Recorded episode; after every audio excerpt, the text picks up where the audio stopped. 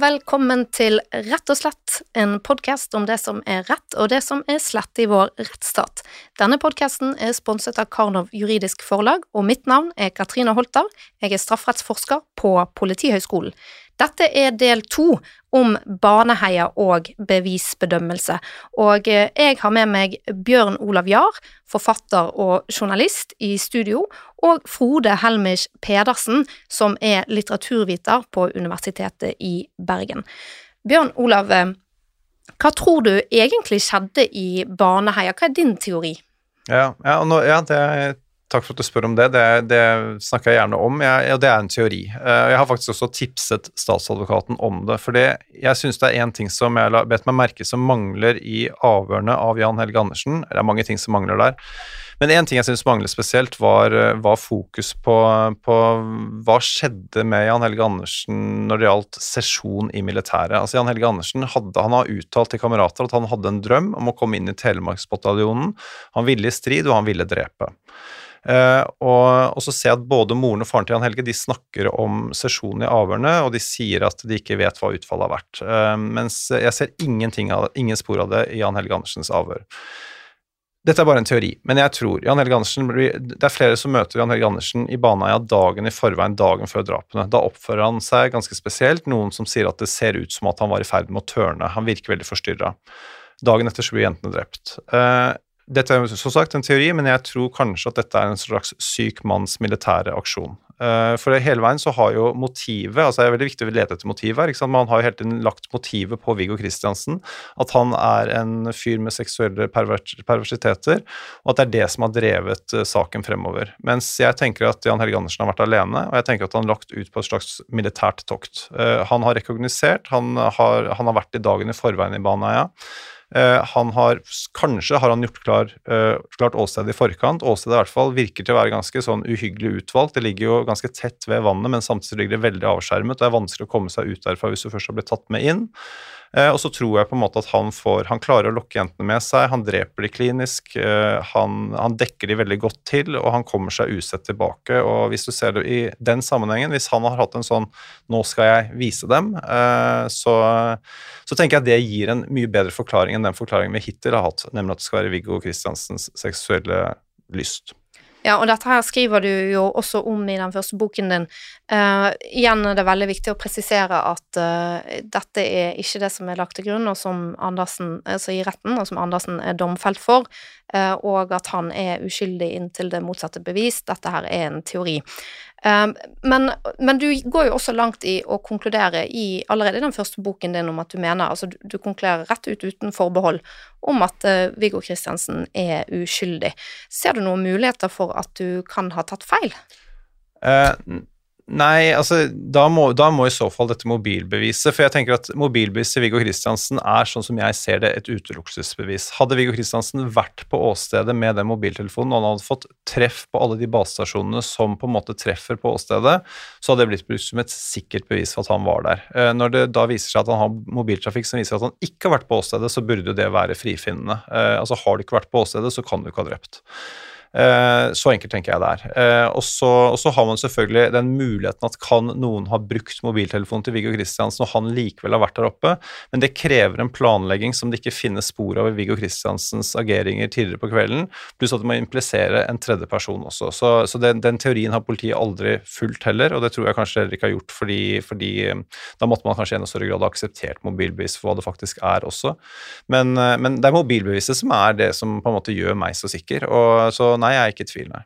Eh, men uh, påtalemyndigheten de har jo vist til at uh, Viggo Kristiansen var i avhør uten å fortelle politiet om at han var i Baneheia på drapsdagen. Han var jo der klokken seks.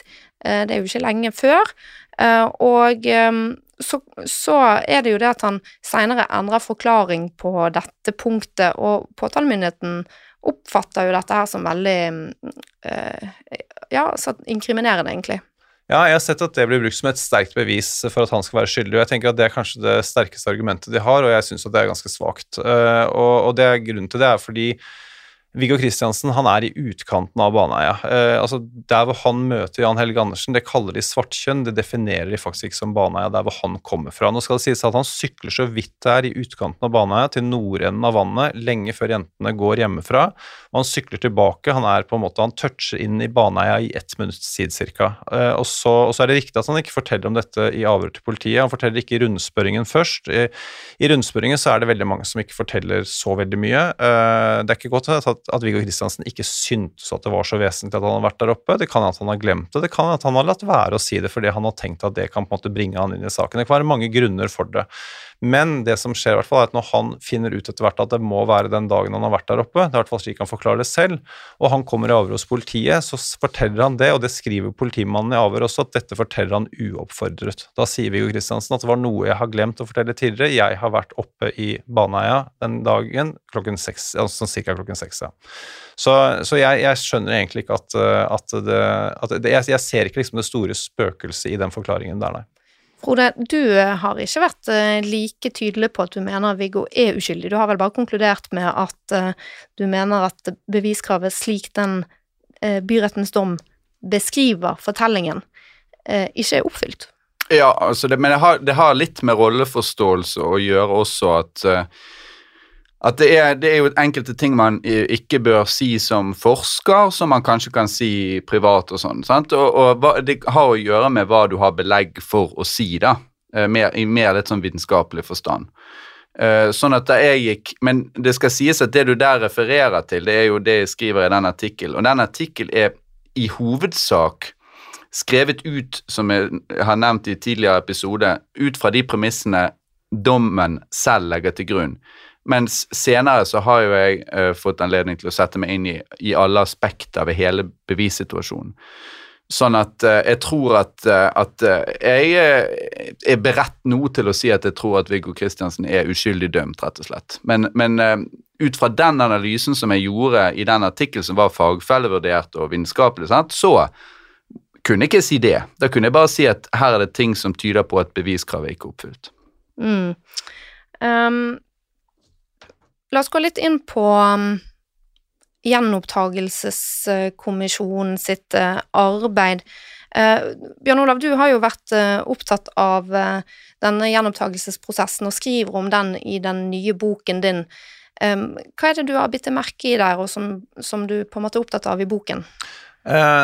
Det er veldig Altså, det er jo Jeg vier ganske mye plass, ja. Uh, og jeg, jeg syns jo Det skal jo være en sikkerhetsventil. Hvis du er uskyldig dømt, så skal du da kunne ha muligheten til å komme deg ut rett og slett gjennom denne kommisjonen. Uh, og så og så ser jeg at, sånn som jeg ser det, så syns jeg jo ikke kommisjonen fungerer spesielt godt. Eh, det, er, eh, det, det leveres inn begjæringer som, eh, som, som handler om DNA-beviset. Sånn at det blir sagt at det var sikre bevis at det skulle være to gjerningsmenn. Det blir jo, det blir jo slått tilbake allerede i den første begjæringen som blir innlevert. Uh, i løpet av, Når det kommer begjæring nummer tre, så har man fått klare bevis for at, for at man har latt være å legge frem ting for retten som, som, kunne tilsi at det var fire gjerningspersoner på åstedet. Så jeg mener allerede i 2010 og 2011 så skulle denne saken vært gjennomtatt, etter, min, etter mitt syn. Eh, og, og, jeg tenker at eh, Jeg syns jo Kommisjonen er jo de har jo aldri snakket med Viggo Kristiansen, f.eks. Det, det, det, det tror jeg ellers at de gjør i gjenopptakelsessaker, har jeg forstått. da. Eh, de har heller ikke vært, eh, de har ikke vært nevneverdig opptatt av å gjøre noe granskning eller noen undersøkelse og sånne ting. De har egentlig bare vært opptatt av å avslå. Eh, og det har de også hatt det har de også har de hatt på en måte mediene og, og, og, folk i ryggen på. på en måte. Det har liksom vært hele tiden vært snakk om at dette er et uverdig krav, og, og hva er det de brukte om Sigurd Klomsæt og, og, advokat Arushodin? De sa liksom 'slutt å fråtse i bedervet advokatmat', skrev tidligere redaktør i Fedrelandsvennen i 2011. Eh, og, så motstanden har vært så sterk og så stor, eh, og, og, og, det har jeg merket selv også. Da jeg skrev min bok og utga den i 2017, så merket jeg at dette her var jo ikke populært. Eh, dette her er på en måte, Det vi ønsker, er på en måte at vi har ikke tatt feil. Dette er kanskje den mest skjellsettende drapssaken i Norge ikke sant? innen Anders Behring Breivik dukket opp. Man har på en måte vært Altså vi har, vi har på en måte, Det har ligget litt i DNA-et vårt å hate Viggo Kristiansen. Så at han skulle være uskyldig, har vært så utenkelig. Eh, så, så, men jeg tenker at den motstanden som har vært sånn fra kommisjonens side, har vært eh, massiv. Og, og, så fikk man byttet ut uh, kommisjonens leder, og så fikk man byttet ut kommisjonsmedlemmene. Og så, og så ser det ut til at det skal gå mot et nytt avslag, faktisk. At man innstiller på det i november 2019. Men så er det noen i kommisjonen, sånn som jeg forstår det, som sier at vi må ha en ny vurdering av DNA-beviset i saken. Eh, og, og da, da, blir det jo tydelig konkludert fra, fra den danske eksperten eh, Fredrik Torp Pettersen, som sier det at dette som dere har brukt i retten, skulle man aldri brukt i retten. Dette ville vi aldri lagt frem i retten i Danmark. Det er ingenting. Det, er, det, har jo også forsvarernes DNA-sakkyndige sagt tidligere. Det er next to nothing. Og da tenker jeg at, eh, at, det er ille at vi har gått på retten med bevis som man ikke skulle gått med, med og som, som, kan skape justismord. Det er ille at man ikke forsøker å rette opp i det. Og det er veldig glad for at det fantes da tre stykker i den gjenopptakelseskommisjonen, tre av fem, som sa at denne må gjennomtas. Kan jeg bare si noe om det der DNA-beviset som, som folk må forstå? det er jo det at når du har ufullstendige DNA-profiler Det som er problemet med det, og grunnen til at man ikke vil bruke det, det er at da kan ikke man sjekke noen ut av saken. Så, så vidt jeg forsto, så var det sånn f.eks. i Orderud-saken at de fant noe DNA der på åstedet, og så går, tar de DNA-prøver av alle etterforskere og alle som har vært involvert, og så finner de ja, det var eh, en etterforsker, ergo eh, ikke noe bevisverdi. sant? Eh, og det, når du har ufullstendige profiler, så går det ikke an å eh, utelukke eller sjekke det ut av saken på den måten, for du kan ikke koble det til noen individer. Så det er et problem. Det er derfor man ikke bør bruke uh, ufullstendige DNA-profiler i det hele tatt. Mm. Uh, jeg må bare få legge til at jeg syns jo uh, det er mange flinke folk som jobber i Gjenopptakelseskommisjonen, og jeg tenker at de er nok overbevist om den motsatte konklusjonen når de har kommet til det. Um, vi var forrige gang litt inne på begrunnelsene til flertallet og mindretallet. Er det noe mer å legge til der, eller er, har vi dekket det? Nei, altså jeg vil gjerne legge til jeg mener jo at eh, eh, Det første jeg har lyst til å si når det gjelder, når det gjelder liksom, den der prosessen frem, det var jo det at når, når Agder statsadvokater responderte på den siste gjenopptagelsesbegjæringen da, når jeg leste den, da tenkte jeg her er det noe rart. Fordi at tidligere så har kommisjonene bare konsentrert seg om å si at det er ikke noe nytt, ikke noe nytt, ikke noe nytt. De argumenterer bare for at her ikke det kommet Altså, det oppfyller ikke vilkårene, sant. Men her lager de plutselig en full ny prosedyre i skriftlig form, eh, med masse sitater fra, fra, fra politiet eh, i Agder, da. Og der tenkte jeg, ok, for, og der trekker de frem alt mulig som kan tale for Kristiansens skyld. Og da tenkte jeg ok, får, dette er et nytt altså Dette er et slags paradigmeskifte i hele denne prosessen. Nå, dette har de ikke gjort før. Det, det, var et tegn for meg til at nå er det noe som er forandret.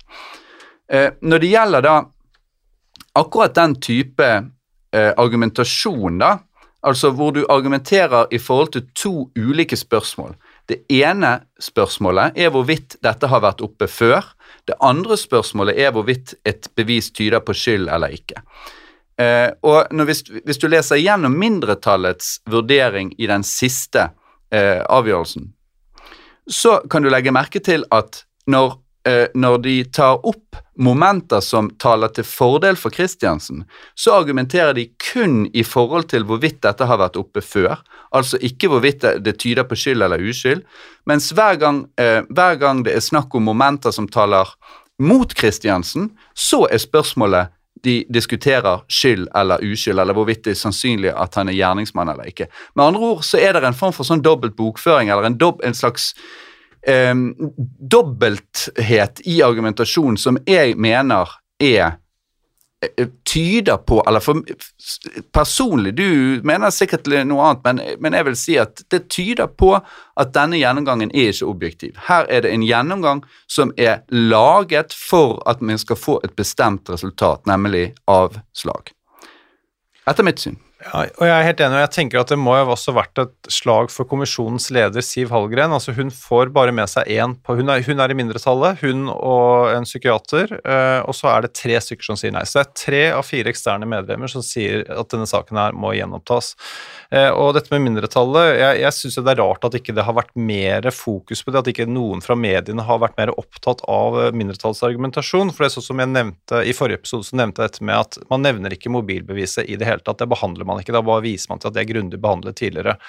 Mens når det gjelder denne leteaksjonen, så, så, skriver man at, eh, at så, Som Viggo Kristiansen ikke var delaktig i, så skriver de at det faktum at Viggo Kristiansen ikke var med i leteaksjonene, som engasjerte store deler av lokalbefolkningen Og jeg mener det var, var 400-500 stykker som var med på den leteaksjonen av 80 000. Og jeg mener Når de skriver sånne formuleringer, så er det svært villedende. Det høres jo ut som at alle mann har vært på beina og lett etter de jentene, og det har de på ingen måte gjort. Ja, altså, og Mindretallet de skriver også dette med at eh, de skriver også at Andersen ville løpe en stor risiko ved å bringe Viggo Kristiansen uriktig inn i saken, da han ikke kunne utelukke at etterforskningen ville ha avdekket at Viggo Kristiansen kunne hatt et sikkert alibi. Det bruker de på en måte som et tegn på at Viggo Kristiansen skal være skyldig, og at, og at Jan Helge Andersen forteller sannheten. Og da tenker jeg sånn der, men, men man hadde jo et sikkert alibi, han hadde jo mobilbeviset. Men, men de, de, definerer, de, definerer, ikke inn mobilbeviset. Uh, så Pluss at han hadde jo ikke noe å tape. Hva, hva, hvilken Nei. risiko snakker vi om der? Han hadde ingenting å tape. Men, men sånn som jeg opplever mindretallet sin begrunnelse, altså de er jo opptatt av Uh, av på en måte kriteriene for gjenopptakelse, sant? Og, og viser til at uh, en rekke um, uttalelser i avisen og sånn som, som, dokumenterer egentlig at, at tvil knyttet til DNA-beviset som eksisterte den gangen, faktisk ble formidlet i retten. Men det som eh, jeg liksom savner litt i mindretallets eh, bevisvurdering her, det er jo um, kanskje en, en, form for anerkjennelse om den enorme bekreftelsesfellen som kan oppstå i hele samfunnet under en pågående etterforskning. Altså, eh, med den pressedekningen som var, så trodde jo alle at uh, Viggo Kristiansen var skyldig, og var ikke så veldig åpen for å vurdere noe annet. Uh, og det er jo grunn til å tro at en sånn, en sånn på en måte en slags um, en, en samfunnsmessig eh, bekreftelsesfelle som får oppstå på den måten der, at den det danner en kontekst som også vil påvirke vurderingsevnen til journalister og bevisbedømmere i denne saken. Eh, og så, så, det er ikke sikkert at stemningen i samfunnet den gangen tilrettela for at man i tilstrekkelig grad kunne gjøre en objektiv vurdering av den tvilen som faktisk eksisterte. Eh, og, og, det savner jeg litt, at ikke man Altså at det, det, er litt viktig at det perspektivet kommer med, da, i en, i en, vurdering av gjenopptakelse. At ikke man bare viser til at det ble vurdert den gangen, og derfor er alt fint. Spørsmålet er jo ble det gjort altså, Det er jo kanskje ikke det rettslige spørsmålet, men, men, man bør jo også ta høyde for om det ble gjort gode vurderinger den gangen. Jo, jo det er jo også et rettslig spørsmål, for det har jo med den der sikkerhetsventilen å gjøre. Så, så det, det, Ja, den andre hjemmelen. Ja, ja. Ja. Uh, der må jo den type vurderinger komme inn. sant? Men hvis du ser, hvis du ser da på hvordan de, hvordan de gjør dette, sant? Uh, så sier de f.eks. det at uh, når de snakker om DNA-beviset, så er hele argumentasjonen lagt opp i forhold til vilkårene. Med andre ord, det vi skal finne ut, er hvorvidt det vi vet nå, i praksis var det de visste da. Sant? som ikke, eh, som ikke, er så lett å uh, argumentere for. Da. Men det de gjør, uh, det er at de viser f.eks. til en artikkel i VG, så står overskriften der 'DNA-beviset rakner'. Så står det 'Det var tydelig overraskelse å spore i byretten da man ikke med større sikkerhet kunne knytte Kristiansen direkte til ugjerningen ved hjelp av DNA-beviset'. Men det, er jo ikke, det har jo ikke noe med spørsmålet om kontaminasjon å gjøre. Det har utelukkende å gjøre med det faktum at politiet hadde sagt at de med 100% sikkerhet kunne knytte Kristiansen eh, til eh, ugjerningene ved hjelp av DNA. Ergo så, så, var det, så, var dette overraskende for mange at det var mye mer usikkert. Og så begynner de etter hvert å komme inn på dette med kontaminasjon. Og der sier de, altså fordi at Kontaminasjon er helt sentralt. fordi at Hvis muligheten for kontaminasjon er til stede, og hvis alle er klar over det, og at det er en stor mulighet, så rakner dette argumentet med at hvis ikke det var Kristiansen, hvem skulle det da ha vært? Sant? Så var the crux of the argument. Mm. Uh, og, og, det som er problemet her, sant? det er jo at det de, i den grad kontaminasjon kommer på dagsorden, så skjer det i form av forsvarerens prosedyre. Mm. Og hvem tar alvorlig det han på, liksom på tampen kommer opp med? Han har ikke noe sakkyndig. Den sakkyndige har sagt noe sånn som at det var bare kvinner til stede eh, eh, i etterforskningen eh, nei, ja, i, som hadde hatt med disse prøvene å gjøre, og dermed så var det utelukket osv. Den sakkyndige hadde i praksis sagt at kontaminasjon ikke kom på tale. Det var kun forsvareren. Det hadde ingen vekt, kort og godt. Nei, det er, og det er jo sånn som det også står i en sånn kommentar fra Dagbladet også, og det står at når han snakker om kontaminasjon, og at det kan være at det er på forskningsstadiet det spanjolene har holdt på med når det gjelder disse DNA-analysene, så legger folk pennen på bordet, og så tar, legger de armene i kors. Det vil si at han har null gjennomslagskraft. Um, og, det er jo, og, det er jo, og det er veldig interessant dette med at de viser dette VG-oppslaget som Frode snakker om her, og det er jo, det er jo at det som skjer, tror jeg også, er at fordi man erkjenner en feil, nemlig at politiet gikk for hardt ut og sa at de med sikkerhet hadde 100% DNA-bevis som knytter Viggo til åstedet, så blir det på en måte ok, der tok vi feil, men da blir det nesten det som at det blir en enda større etablert sannhet at Men det er helt sikkert at det er to personer. ikke sant? Det er sånn der, Ja, det var feil det ene dere gjorde, men nå skal jeg komme med en redningsplanke her, og det er at det er helt sikkert at det er to personer. Og det er når, de, når til slutt da lagmannen ber den rettsmedisinsk sakkyndige om å si noen ting, og, og om å bekrefte at er det sikkert at vi har DNA-bevis for to personer, så svarer hun definitivt ja på det. Og da tenker jeg sånn, hva slags Hva, hva, hva, kan, hva kan, en Altså, Juryen består kanskje av en gjeng med på snittalder 55-60 år, ser det ut som, fra, fra Agder. Jeg, jeg, tror ikke de visste så mye om det. Jeg tror ikke de, satt, jeg tror ikke de tenkte at Bente Mevåg eller lagmannen hadde mindre peiling enn det de selv hadde der. Altså. Så han, han, det, det, At det beviset ikke er At de prøver å på en måte si at det beviset der ikke er noe nytt, det, det, det er sånn juridisk krumspring. Mm. Og, og det finnes retoriske krumspring, og der vil jeg bare nevne ett, nemlig Og det, er jo, det har jo litt med min min interesse for retorikk å gjøre. Men de sier hele tiden, at, eller iallfall flere ganger, at, det, at bevisbedømmerne i de to rettsinstansene på et grunnleggende nivå var klar over muligheten for kontaminasjon. Og da er jo poenget det at de har på en måte visst dette, men det kommer ikke frem noe sted. Men de har visst det. Det er liksom eh, Man har dekket seg for, eh, for den type argumentasjon med, som går på at jo, men hvor kommer dette frem i så fall? Nei, på et grunnleggende nivå så har de visst det. Og det, det, legger, det legges da bare til grunn. Bjørn Olav, hva tenker du om eh, pressens dekning av Baneheia-saken? Oi, det, det, kan jeg si mye om. Eh, jeg, jeg syns jo det som er veldig, veldig interessant, er at de, veldig mange av de som dekket saken den gangen, de mener jo fortsatt at Viggo Kristiansen er skyldig, og noe av argumentet de bruker, er at de selv var til stede i retten. Som om det er et slags magisk bevis, at de kunne se at Viggo Kristiansen var skyldig. Eh, det tenker jeg er litt sånn farlig. Eh, det, var, det, var, det, er to stykker som Det er en journalist fra Dagbladet, Eivind Pedersen, som, skriver, som reagerer på dette mobilbeviset, og som skriver, som skriver noen kritiske artikler. Han, han, han, går opp løypa, litt sånn som Frode snakket om at han, i forrige episode om at han hadde gjort, og, og får det ikke til å stemme, og, og, og gjør noen gode saker på det. Så er det en annen, eh, en annen kommentator fra fra Fedrelandsvennen som, som, reagerer veldig på hvor, på hvor kraftig Viggo Kristiansen reagerer på dette når han blir forhørt om, når han, når han blir utspurt om dette uh, overgrepet på den mindreårige jenta i nabolaget, for da bryter Viggo Kristiansen sammen i gråt, og da lurer han på ok, han, han reagerer jo ingenting på bane, han reagerer masse her, kan det være fordi han ikke er skyldig i Baneheia-drapene. Så det er en kommentator fra Fedrelandsvennen som, som, trekker frem det, og som også har en, sånn, en kommentar til slutt om at, om at jeg skulle så gjerne vært, blitt kvitt denne tvilen. Altså Han går åpenbart og tviler, men han er helt åpenbart eh, Han og den andre journalisten er et mindretall. Og så syns jeg faktisk at mediedekningen blir egentlig bare verre og verre med årene, fordi, fordi i 2010-2011, når man får klare klare bevis for at det har vært, det har vært eh, holdt tilbake dokumentasjon som viser at det kan ha vært fire gjerningsmenn i saken, og man ikke bryr seg om det, så tenker jeg sånn Hvorfor bryr ingen i mediene seg om det? Det syns jeg er kjempesvakt. Der og da så kunne jo mediene vært med på å sette et press som, som det man opplever i dag har skjedd.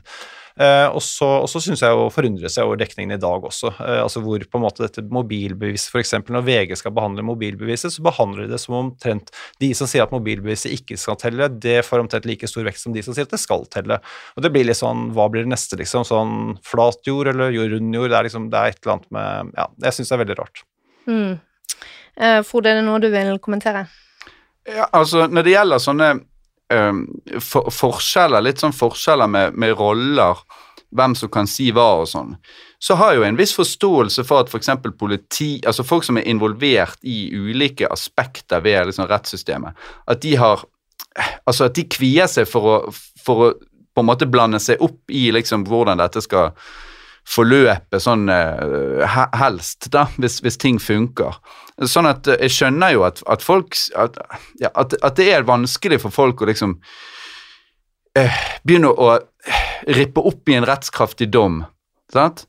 Og, og, der har jeg jo opplevd veldig ofte at når jeg har snakket med jurister om denne saken, så, så har jeg mange ganger fått Altså, jeg begynte med dette i 2016 eller noe sånt mange ganger fått den kommentaren om at så, en, det, der har vi en rettskraftig dom, den er ferdig. Det er ikke noe vits å, liksom, å drive rote noe mer med det. Og det er kanskje sånn som mange jurister tenker, jeg vet ikke, det kan kanskje du svare på. Men derfor så er det litt viktig at rettssystemet utsettes for press fra sivilsamfunnet. Det mener jeg gjelder generelt. Det er viktig at vi har i mangel av et bedre ord, intellektuelle, eller engasjerte, sånn som eh, Mikkel Tronsrud i denne saken. da. Mm. Folks private initiativ som rett og slett tar en kamp. Mm. Ja. ja. og det er jo um, Altså, det du egentlig er litt inne på nå, er jo det som går på rettskraft. Altså at en dom, når den er endelig avsagt og ferdig gjennom ankesystemet og sånn, så skal den være rettskraftig. Og det er jo eh, i utgangspunktet ganske viktig, fordi at vi trenger å kunne komme oss videre, bli ferdig med ting. Um, og, og, det kan på en måte ikke liksom hele tiden være en omkamp. Og Derfor så skal det jo også mye til, og det, det er litt viktig òg at det skal litt til å kunne gjenoppta en sak. Det skal jo ikke være kurant. Og det vil jo på en måte jurister innrette seg etter og tenke at liksom domstolen har det siste ordet, og hvem er jeg til å overprøve? Men dette her er nå en sak nå som det er på en måte påpekt en del, altså så mange svakheter, da at uh, det blir nesten uh, liksom vanskelig å ikke skulle forholde seg til det. Det er jo En ting er jo at man i, i et uh, straffesystem kan man mene, da, at det, at det ligger i systemet en aksept for justisfeil. Altså fordi vi har ikke et 100% beviskrav. Det er ikke krevd at det ikke skal eksistere noen teoretisk tvil, og i det så har man på en måte en systemaksept, for at noen ganger så vil det gå galt. Men det er en ganske stor forskjell på å ha en sånn systemaksept for det, versus at man får uh, masse tvil opp i en sak, i en enkeltsak, som gjør at, uh, at, man begynner å tvile på Altså får alvorlig grunn til å tvile på om det kan ha skjedd noe, noe gale her. Altså, det kan vi ikke leve med. Hvis, altså, hvis det kommer uh, mange nye, altså, nye beviser og ting som tyder på at vi har tatt feil, så må vi være villige til å se på det på nytt, eh, og, og åpne på en måte Komme oss ut av eh, liksom en sånn eh, tankegang om at fordi retten har sagt det, så er det nødvendigvis sånn. Vi, vi, skal være klar over, jurister skal være klar over at rettssystemet tar feil, og det er liksom, vi skal også være klar over at det er en, det er en del av den rettsordningen som vi har valgt. Vi har valgt en ordning der det kan skje feil. Så, så det å avvise gode argumenter for at det finnes stor tvil, Eh, det syns jeg bare sånn på automatikk, uten å gå inn i det, eh, det er nesten Det opplever jeg som nesten umoralsk. Men kan jeg stille deg et spørsmål, da? Og jeg vet ikke om du kan svare på det, men, men vet du sånn cirka hvor mange saker som tas opp av gjenopptakelseskommisjonen, sånn generelt på årsbasis? Det er jo ikke sånn at det er et voldsomt særsyn. Ja, jeg, har ingen statistikk på det, altså, men det er jo saker der Altså, det kan jo eksempel være at uh, Høyesterett kommer med en rettslig avklaring, der folk har blitt eh, domfelt i en annen retning tidligere. Eh, og der, der har jo du et sterkt argument for gjenopptakelse at på en måte at jussen er blitt konstatert å være noe annet enn det man trodde. Der skjer det gjenopptakelser. Um, det som òg er ganske sånn vanlig grunnlag for gjenopptakelser, det er folk som har blitt domfelt for, for uh, å ha begått uh, straffbare handlinger, og så har de blitt regnet for å være tilregnelige, altså at de har skyldevne for det. Og så har, det, så har de gjerne sonet eh, en, en, dom, og så slipper de ut igjen, og så skjer det noe nytt. Og så i den nye runden så kommer det frem at, eh, av, fra, med nye sakkyndige kanskje, at eh, de, de, blir vurdert som å være utilregnelige denne gangen, og at de sakkyndige også har meninger om hvor langt bak i tid denne utilregneligheten egentlig har strukket seg. Mm. Eh, så i sånne saker, det ser du nok en del gjenopptakelser på. Mm. Um, ja, men, eh, men, det er jo vanskelig dette her, hva man skal mene og ikke, og jeg er ikke klar for å si uh, på en måte at, at, Viggo er nødvendigvis uskyldig, men jeg vil heller ikke si det motsatte. Altså, jeg tenker at um, um, nå er det jo heller ikke en rettskraftig dom mot Viggo Kristiansen, og uh, da skal man jo være forsiktig med å statuere skyld. Uh, eller hva tenker dere? Ja, absolutt. Jeg tenker at sånn Generelt så er det veldig greit å være forsiktig med å konstatere skyld. Uh, altså Det er mye lettere å konstatere uskyld. Uh, de fleste er uskyldige. Uh, men, men, jeg tenker også at um, um, dette, dette, med, dette, med, at man skal ha respekt for rettskraftig dom og sånn, det, det, har jeg opplevd liksom, som I norsk presse så syns jeg man har hatt for stor respekt. Da. Altså Det ikke går an å gå inn og, og, og, og, Det virker som det ikke har vært en åpning for å gå inn og tenke seg at noe kan ha gått galt. og og, og jeg tenker sånn, når man helt, Ja, det har vært to rettskraftige dommer, altså det er en rettskraftig dom, og man har vært gjennom to domsinstanser og sånne ting. altså Tenk på alle de sakene som blir anket fra, fra tingretten til lagmannsretten, og hvor mange avgjørelser som blir omgjort, så, så viser det seg jo at, at man ikke har nødvendigvis liksom svaret med to streker under etter gang nummer to heller. Mm. Eh, så, og, og, kan jeg ja. si, altså bare um, Det som jeg reagerer litt på, det kan jeg jo si generelt, det er jo når, når, du fra, på en måte fra påtalemyndigheten eller domstoler eller sånn, ser argumenter som man så med, mobi, med mobilbeviset, der man på en, måte, på en måte klenger seg til at eksperten fra, Telenor, nei, fra Teleplan sa at man kunne ikke utelukke. Mm. Ikke sant? Når du begynner å høre den formuleringen, kan ikke utelukke skyld. Mm da er man på ville veier, altså. Ja, da er man mm. på ville veier knyttet til hva som er beviskravet. Um, og, og, det er jo også noe med fortellingsperspektivet, sant. Altså at det man tenker at når du har en plausibel fortelling, så faller på en måte brikkene på plass. Uh, og det skal ikke være et sånt eh, enormt puslespill for å få det til å gå opp, der du må liksom justere på alt hele tiden og, og virkelig liksom ja, altså Frode, du kan jo kanskje si noe om det her. Ja, men altså, jeg har jo vært litt inne på det tidligere, at, at fortellinger står alltid i berøring med ideologi. Og den ideologien vi går rundt og bærer på, den er ikke sånn som du har fullstendig klart for deg. Det, er, det har mye følelser. altså Den type fortellinger vekker mye følelser. Og du vil på en måte ha en type fortelling. Når det gjelder de rettskraftige dommene, f.eks., kan du jo sammenligne med Hemsedal-saken Hemsedalssakens rettskraftige dom var jo frifinnelse, sant? mens der var jo folk mye mindre, generelt mye mindre opptatt av å på en måte respektere den frifinnelsen, eh, sånn som jeg opplevde det, enn i, enn i Baneheia-saken. Fordi at ideologien der var annerledes. sant? Det var en sterk ideologi i oss at vi ville tro på, på kvinnen, f.eks. Eh, sånn at man, ikke man må ikke tro at man er så fryktelig prinsipiell hele tiden. Man, man, må, man må skjønne det at vi går rundt med alle slags irrasjonelle og eh, følelsesbetonte og ubevisste oppfatninger om hvordan vi skulle ønske verden helst var. Og det spiller inn i disse fortellingene, og fortellingen er på mange måter uttrykk for dette. Det er veldig interessant. Da jeg, jeg, skrev min bok, eh, første Baneheia-bok, 'Drapene i Baneheia', så hadde jeg en vikar. Eh, og, så, og Han sa han alltid hadde vært veldig overbevist om at Viggo Kristiansen var skyldig. Og Så sa han han leste boken min, og så sier han at han blir da overbevist om det motsatte. Og det Han sa, han brukte veldig fint uttrykk for det. Han sa at han plutselig så så med Viggo Kristiansen uten hatfilter. Altså Han sa det var liksom akkurat så dette sløret foran øynene hans var borte. da. Han kunne mm. se, Når han så bildet av Viggo Kristiansen, eh, dette bildet som har gått igjen, som har blitt brukt veldig mye, hvor veldig mange syns han ser veldig skummel ut, så sa han at det kan jo like godt se ut som han kommer rett fra skolegården og spiller fotball.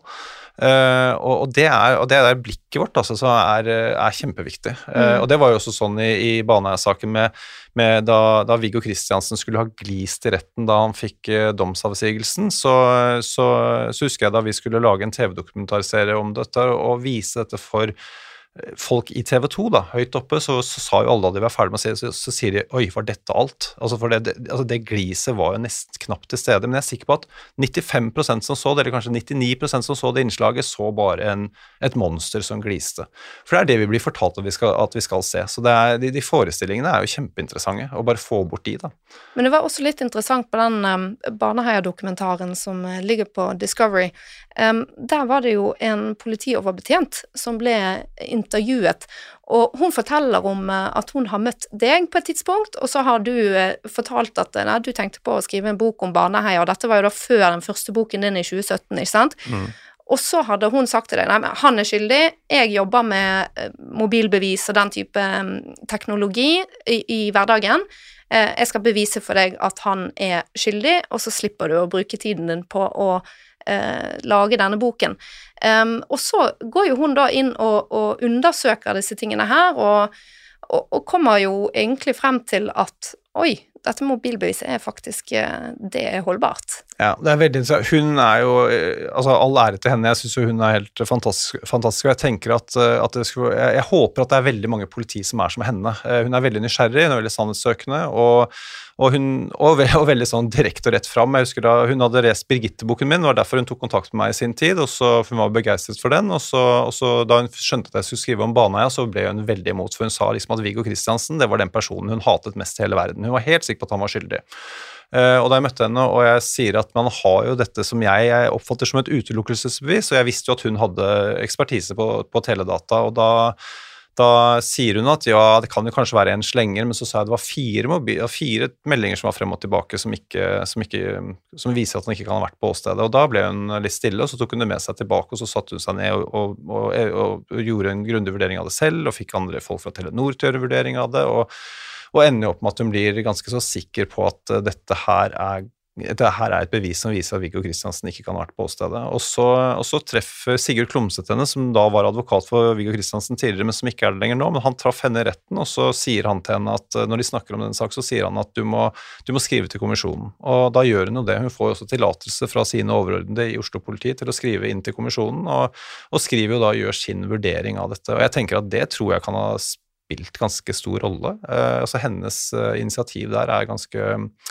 beundringsverdig og bra. Eh, mm. Og sånn, nesten sånn på litt sånn varslernivå. Mm. Jeg syns jo det er utrolig mange dyktige etterforskere i politiet, og hun er, høres ut som en god representant. Men um, Bjørn Olav, du, nå tror jeg vi skal Vi nærmer oss avslutningen her, men du har jo snakket litt med Viggo Kristiansen, har du ikke? Jo, det har jeg. Hvordan har han hatt det nå når han har kommet ut av fengsel? Uh, nei, han sier jo Altså, jeg snakker ikke så mye med han, jeg har tekstet litt med han, uh, og, og, så har jeg møtt han én gang i Kristiansand, og, og det virker som han har det fint. Uh, han syns det er deilig å kunne sove litt lenger om morgenen, og, og han har begynt å sykle og sånne ting, men jeg, jeg, tror også han går i en veldig sånn ventefase. Altså, han går og venter på en avklaring, og det er klart det er sånn han er 42 år gammel og flyttet hjem på gutterommet. Han har jo sannsynligvis ikke noe spesielt god økonomi, og han har foreløpig ikke noen jobb. Han har fått noe jobbtilbud, men han vil vente til saken er avklart. sånne ting, Så han er jo i en ventefase. Så, så jeg tror nok det er en utfordring, men, men, jeg ser jo som han klarer det fint. Eh, og at Han har liksom, han er jo en, sånn, en person jeg har opplevd å ha et ganske generelt godt og jevnt humør. Han har jo tidligere sagt at han vil ha en full uh, ny rettssak fremfor at det skal bli uh, bare en påstand om frifinnelse, sånn at han må leve uten å bli renvasket, sånn som han uh, fremstiller det. vet du om han fortsatt håper på en full ny behandling av saken? Jeg er litt usikker på det, altså. Eh, jeg, jeg syns jo det er veldig rart. Jeg tenker at det, altså jeg vil jo tenke sånn at eh, for guds skyld ikke, liksom. Du vet jo aldri hva, hva utfallet kan bli. altså sånn, Det har jo gått galt før. Eh, og, og, og jeg vil tenke at får du en frifinnelse, så, så, er jo det veldig sterkt. Blir du tatt ut en tiltale mot deg, så er det noen som mener at du er skyldig, da. Så da vil jo han se mye dårligere ut. Men jeg vet at han har hatt veldig lyst til på en måte at, det skal, at alt skal opp i lys, at, at hele saken skal gjennombelyses og sånne ting. Men, men det blir den jo ikke heller, så, så jeg, jeg, jeg, tenker at det er en litt naiv innstilling. Jeg skjønner, jeg skjønner, skjønner tankegangen hans, at han vil ha på en måte Han vil, han vil liksom bokstavere det til mennesker, at, at, at, alle skal forstå at han er uskyldig, men jeg tror ikke det er måten å gjøre det på. Jeg tror, som For hans del så, så vil jeg tenke at det er best at det ikke blir en ny rettssak. Avslutningsvis så spør jeg alle mine gjester om det er noe de synes er rett, eller noe de synes er slett ved vår rettsstat, og vi rekker ikke å gå inn på begge deler. En av delene må dere velge. Uh, Frode, vil du begynne? Ja, altså, jeg vil jo ta, ta, slett når jeg først er her. da. Det er jo mye som er rett, uh, selvfølgelig. Og jeg er enig med deg at det er veldig mange dyktige etterforskere i politiet, og alt mulig sånn, og at de er også helt sikkert er mye bedre nå enn de var den gangen. Uh, men når det gjelder det med slett, ja, da tenker jeg kanskje at, en, at jurister kanskje av og til kunne vært litt åpnere for å diskutere tvilsomme momenter, f.eks. med beviskravet. Det er et eller annet med at, at, jurister har en tendens til å mene at beviskravet er liksom per definisjon oppfylt når, når eh, man har en domfellelse. Eh, og det der med at Eh, beviskravet er en ganske ullen størrelse og burde vært diskutert åpent. Og F.eks.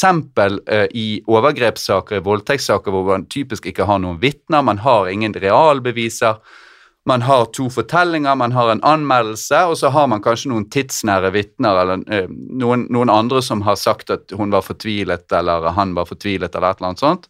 Eh, og, og, og, og, jeg syns det virker veldig rart at, at man da mener at hvis, hvis, du forestiller deg beviskravet fra 0 til 100, så syns jeg det virker rart at, at, man da bare liksom skal si det at nei, vi, nå bestemmer vi oss for å tro på en eller annen, og dermed så er beviskravet oppfylt, så er det liksom på 98 eller 99. Er det å tro på noen et bevis, liksom? Men jeg, jeg, mener, jeg mener, rett og slett bare at, at, at den type ting har tror jeg systemet godt av å få luftet. Rett og slett, Har vi et problem med beviskravet, og har vi et problem med uskyldspresumpsjon?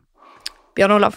Det var veldig bra, det kan jeg si meg enig i. Eh, jeg vil også da velge slett, eh, men, men jeg er jo litt usikker på denne, denne her. Men jeg tenker at um, bruk av sakkyndige, da um, Altså det, er veldig, det er veldig avgjørende, og det ser jo åpenbart ut som det er en del gjenopptakelse nettopp fordi man har kommet med, med gale, kanskje gale, gale konklusjoner. Jeg, jeg, det jeg tenker på som er viktigst med sakkyndig, vil jeg jo si at det må være å ha en motpart til den sakkyndige av og til. og sånn typisk sånn som i Baneheia-saken, hvor du har en DNA-sakkyndig som, som, sier at det er sikre bevis for at det er to gjerningsmenn, mens, mens, her mener jeg jo at da burde man jo burde forsvareren Det kan hende at forsvareren kan ha det og sånne ting, men jeg mener at det er viktig, veldig viktig at det er at det er en som kanskje argumenterer imot. Da. Akkurat som du har en forsvarer og du har en aktor, så har du kanskje en sakkyndig som sier hvorfor det er et sterkt bevis, og så har du kanskje en sakkyndig som sier hvorfor det er et svakt bevis. Det vil jeg tenke er en god måte å gjøre det på. Men jeg vet jo ikke hvordan det er jeg er for få rettssaker.